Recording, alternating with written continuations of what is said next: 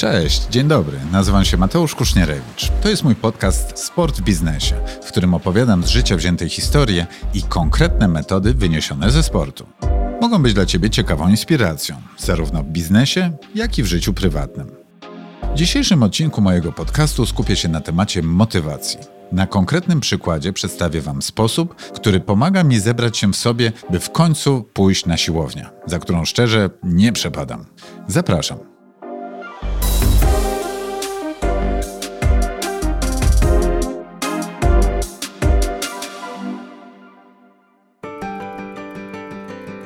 Ze sportu do biznesu przeniosłem wiele ciekawych i cennych metod, które pomagają mi w codziennym życiu i działaniu. Jedną z nich jest metoda piramidy sukcesu.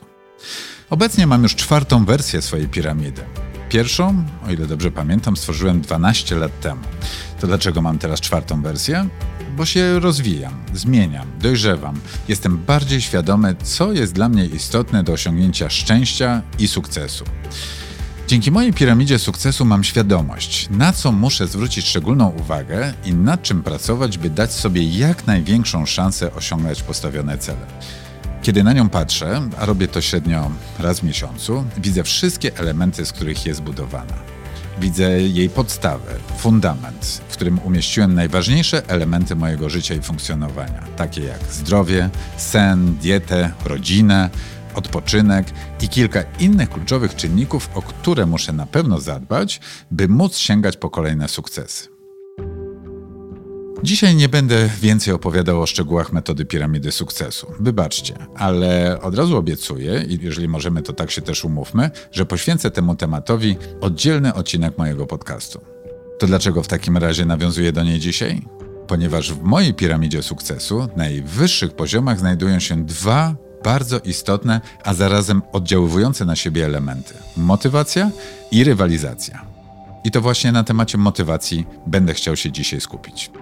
Umiejętność motywowania siebie, ale też innych jest dzisiaj na wagę złota. Tak mogę to ująć i takie mam obserwacje. Każdy, kto posiada te umiejętności, może moim zdaniem bardzo wiele w życiu osiągnąć. Umiejętność samomotywacji szczególnie nam się przydaje, gdy po prostu nam się czegoś nie chce zrobić. Jejku, ile to razy mi się nie chciało czegoś zrobić? Nie wiem, setki, jak nie tysiące razy.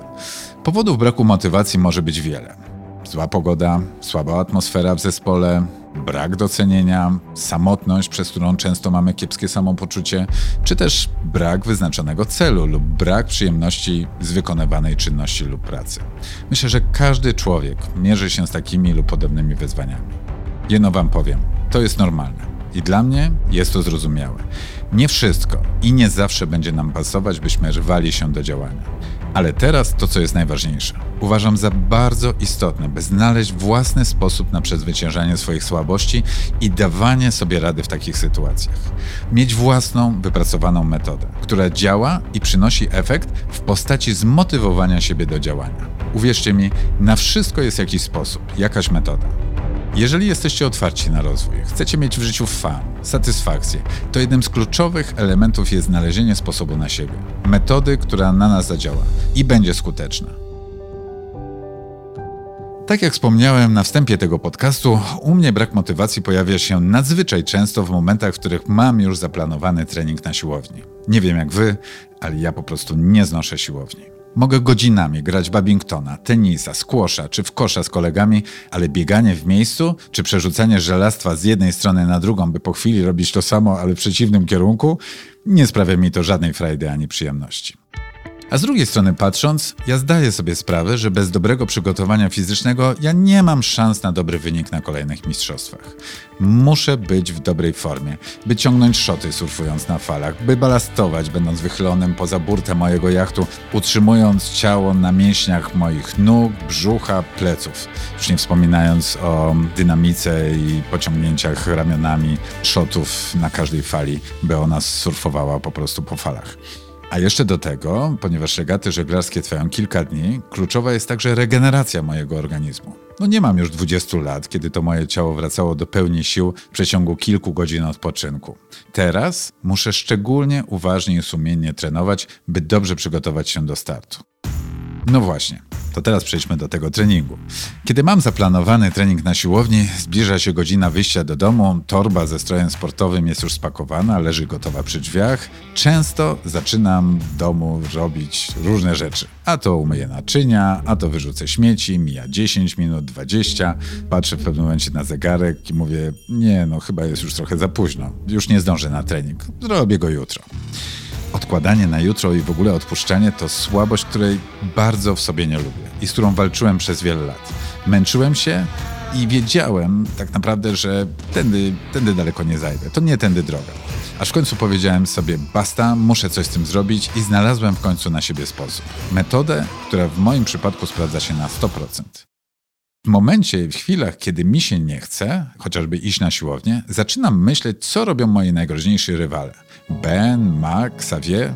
Oczami wyobraźni widzę wtedy ich gdzie? Na siłowni. No i pewno domyślacie się, co się wtedy dzieje.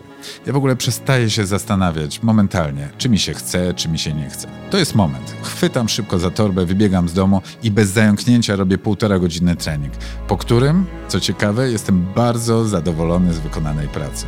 W ten właśnie sposób działa na mnie element rywalizacji.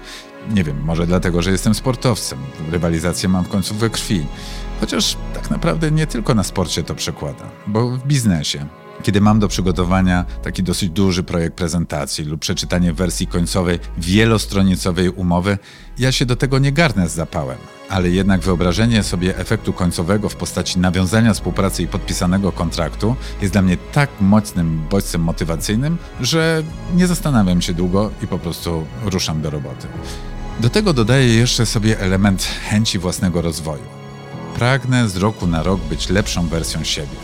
Ja siebie w pewnym sensie porównuję, sprawdzam wyniki. To jest taka moja wewnętrzna rywalizacja. Udoskonalam swoje biznesy, staram się osiągać stałe wzrosty, eksplorować nowe terytoria. Jednym z takich nowych terytoriów jest dla mnie w ogóle świat podcastów. To bardzo ciekawe i zupełnie nowe doświadczenie.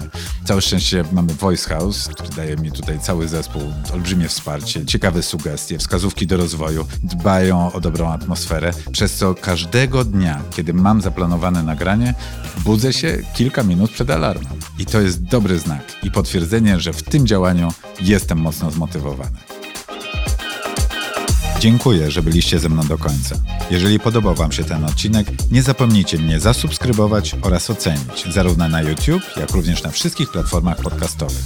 Do usłyszenia w kolejnym odcinku.